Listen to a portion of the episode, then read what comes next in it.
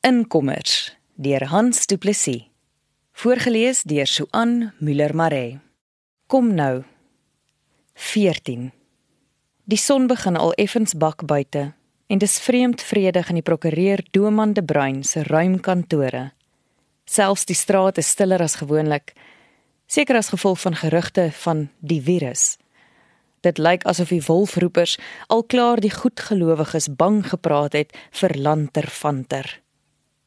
Ek, Plakker Prinsloo, kyk ook skaars op toe ek iemand by die veiligheidshek van die ontvangskantoor hoor. Ek weet nie van 'n kliënt wat 'n afspraak het nie en meneer De Bruin wag vir die kontrak wat ek tik.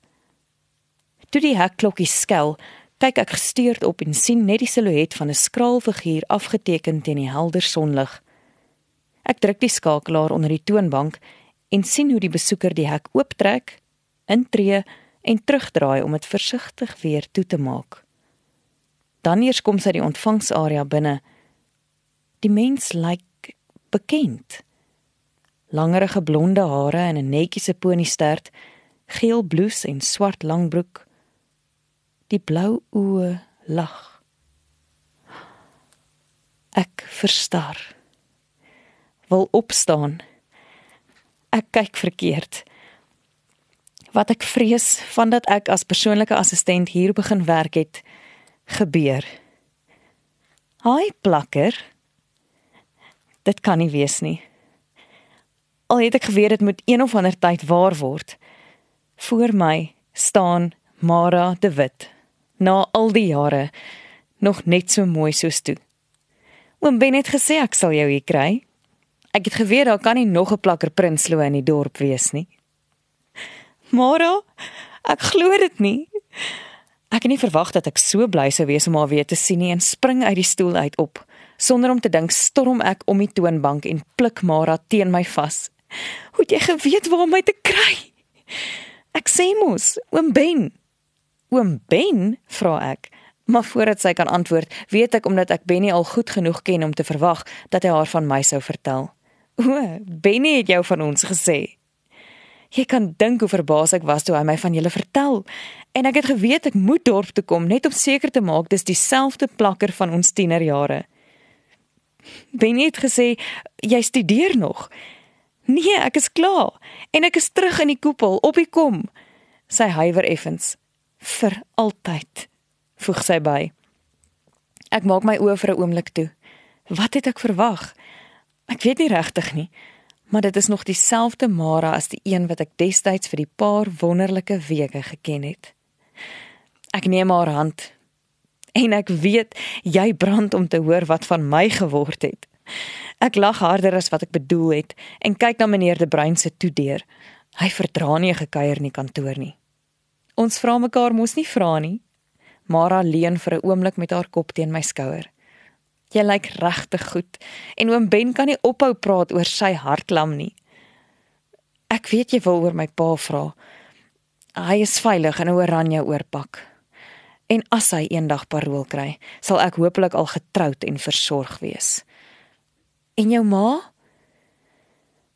Sy sou saam met my in 'n woonstel kom bly. Maar my pa se dinge oor baie jare heen het haar gevang. Ek bly stil en sluk swaar voordat ek sagter byvoeg. Sy kon dit nie meer hanteer nie. Te veel pille was vir haar 'n beter uitweg. Ek is jammer plakker. Sy die hemel bo die aarde verkies. Ek dink ek weeg my woorde, want wat ek dink, het ek nog nie eers aan myself in woorde kon erken nie. Dit sal my hopelik goed doen om dit in woorde uit te druk dit met iemand soos Mara te deel. As dit nie vir hierdie werk en vir Benny was nie, het ek saam met my ma gegaan. Ek weet nie of ek snik of sug nie, maar dit voel asof die uitspreek van my gedagtes 'n klip uit my bors laat losbreek. Soos destyds is daar iets tussen my en Mara wat ek nie kan verklaar nie. Dit is net daar. Ek wil dit ook nie probeer verklaar nie, want as vreugde 'n naam kry, is dit dalk weg. Hoe ken jy oom ek bedoel Benny mekaar? Mara staan effens weg.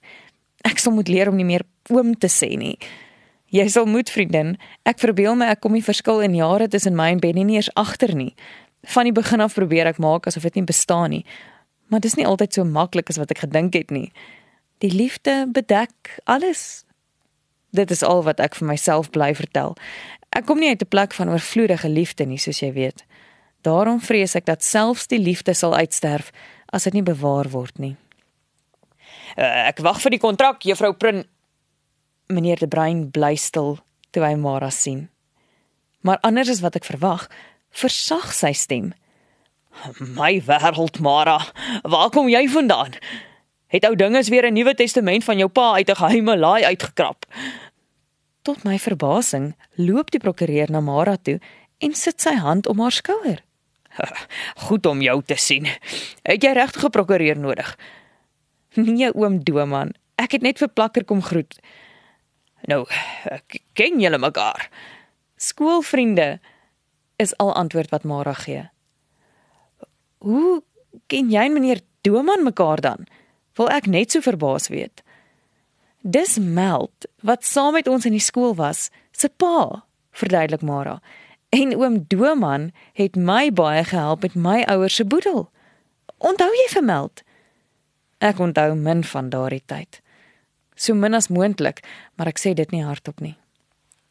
Ja, juffrou Prinsloo is nog nie lank by die firma en sy ken nog nie my mense nie. Hy sê dit goedig. Ek het nie geweet hy kan iets anders as die professionele baas wees nie en hy voeg boonop tergend by 'n plakker ken die laaste tyd net een mens en dit is ons kliënt uh, Benny Afrikaner. Maar kuier julle twee nou maar nog 'n rukkie. Kom groet voor jy loop, Mara. En juffrou, bring vir my die kontrak wanneer jy klaar is. Dan is hy uit en maak sy kantoordeur agter hom toe. Hy is dan 'n mens, sê ek verbaas vir Mara, toe ek seker is die deur is toe. Dit is hoe ek hom ken. Hy en sy liewe vrou, hulle het mos 'n naweek plaasie naby my aan die rivier. Lyk vir my die hele wêreld woon deesdae in die koepel net die wat vir die natuur omgee en sonder ordentlike sein of die mol kan klaarkom. Gee my net kans om 'n kontrak klaar te maak, dan maak ek vir ons koffie. Jy hoor mos die baas wag. Ek gaan net gou lek by die koöperasie kry, dan kom ek saam met jou koffie drink. sien jou nou weer. Wat op aarde is lek? Iets lekkers vir die wild om aan te lek. Die veiligheidshek klik agter haar toe.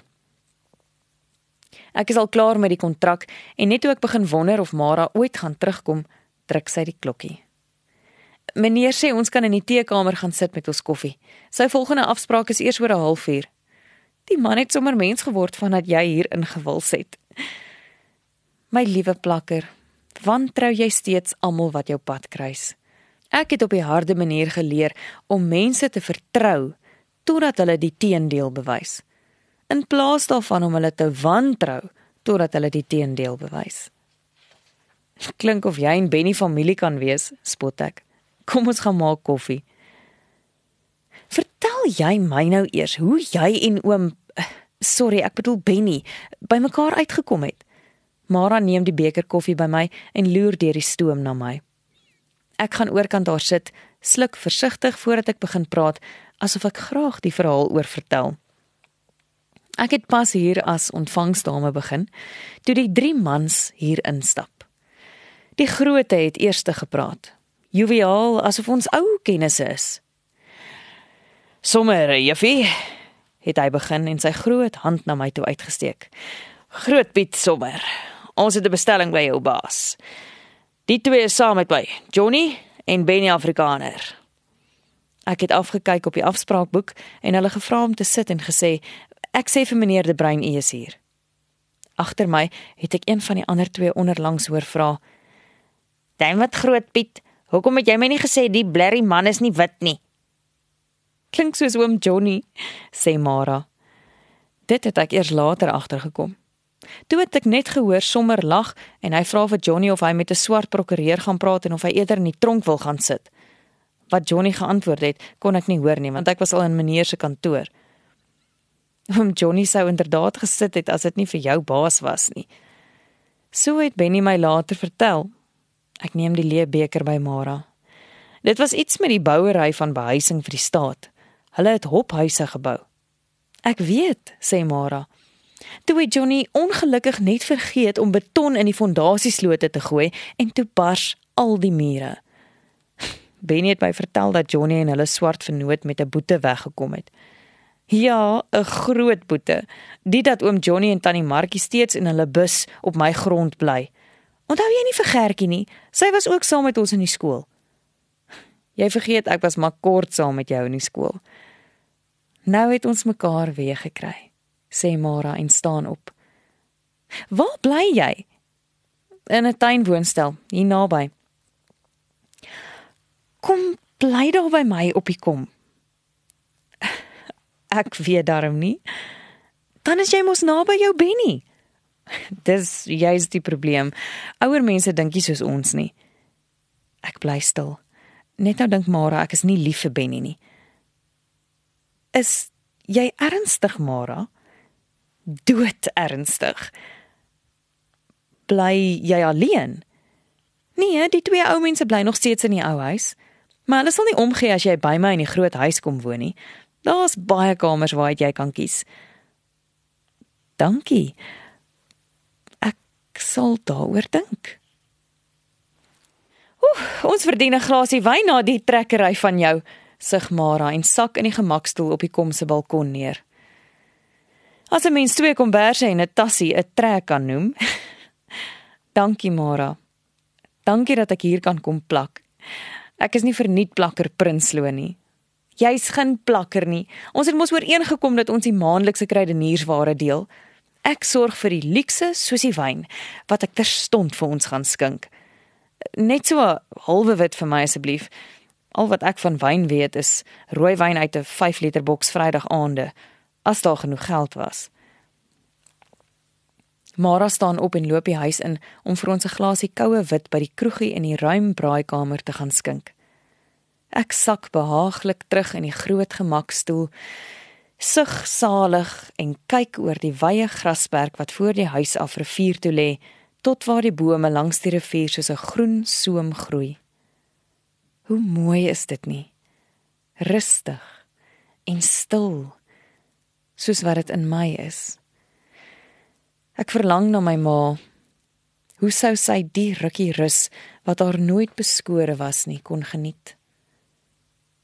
Iewers roep 'n voël melankolies asof sy die meisie op die balkon se gemoed verstaan.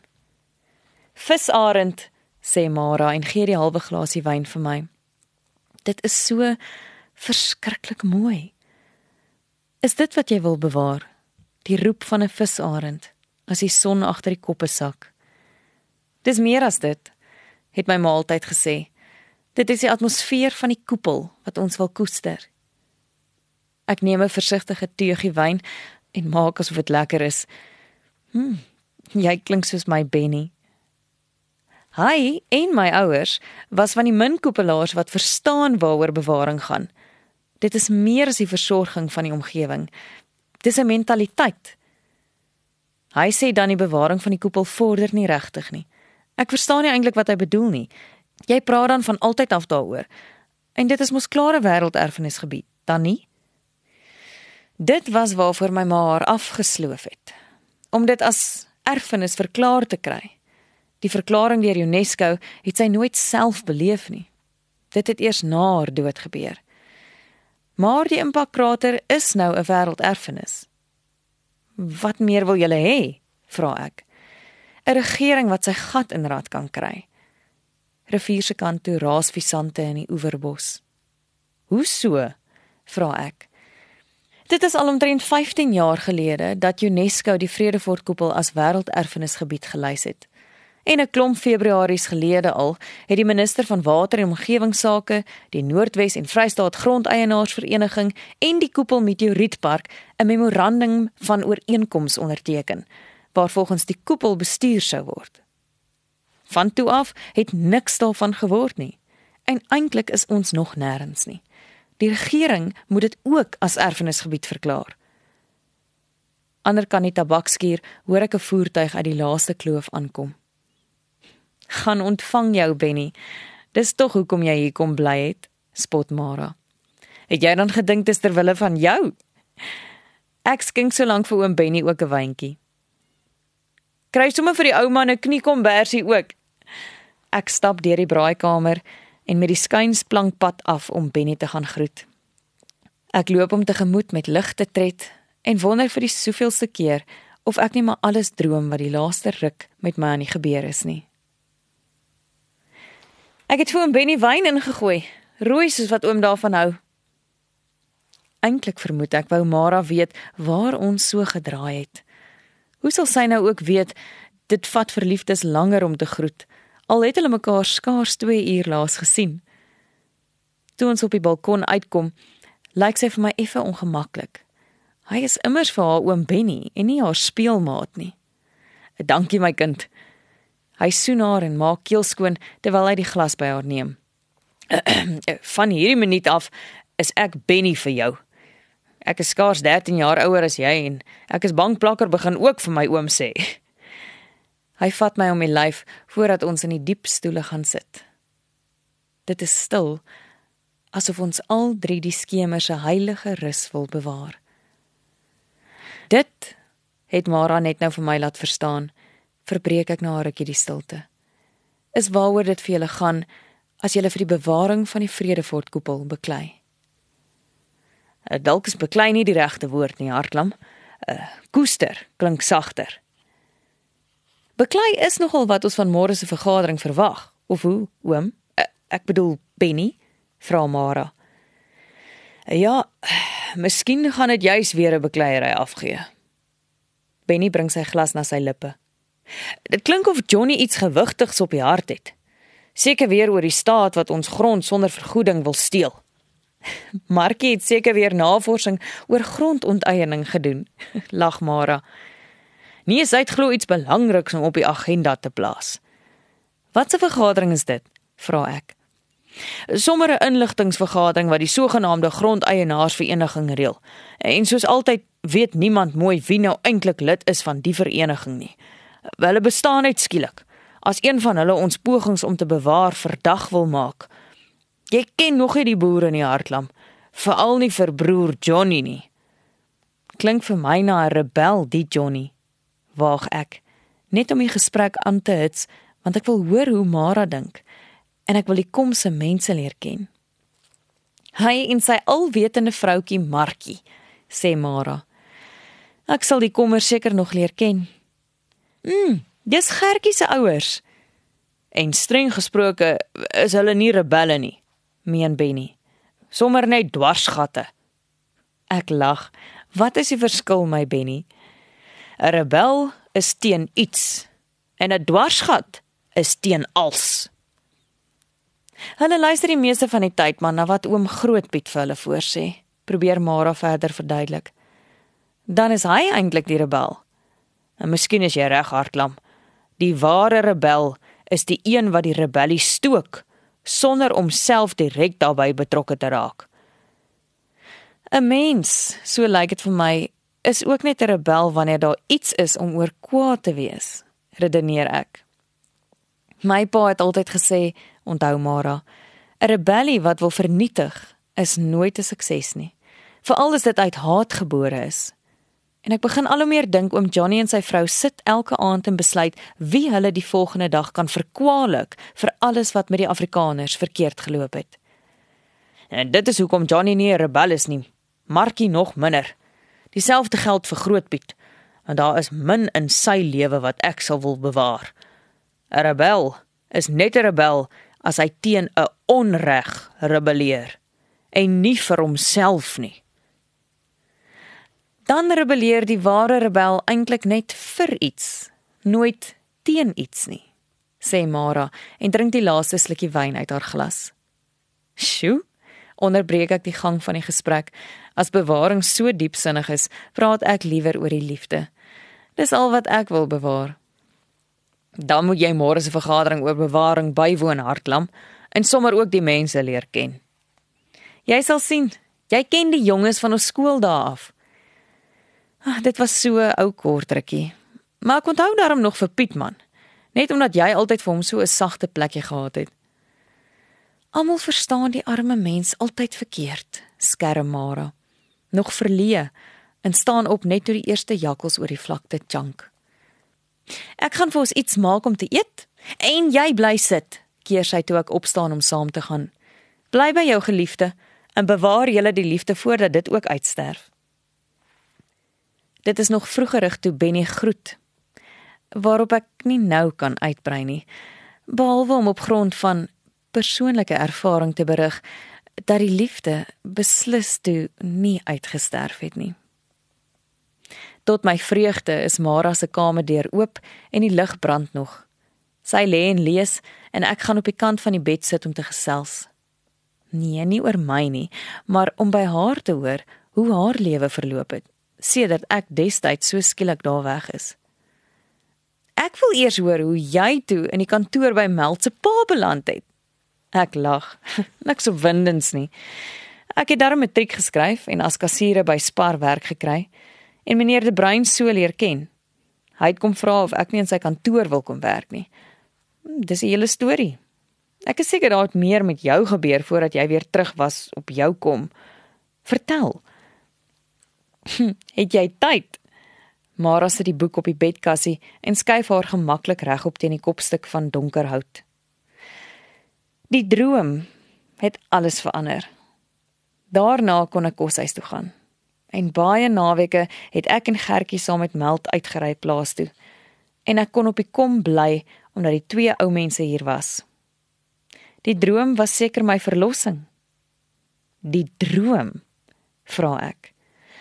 Dieselfde nagmerrie wat my nag na nag blootskom ry het.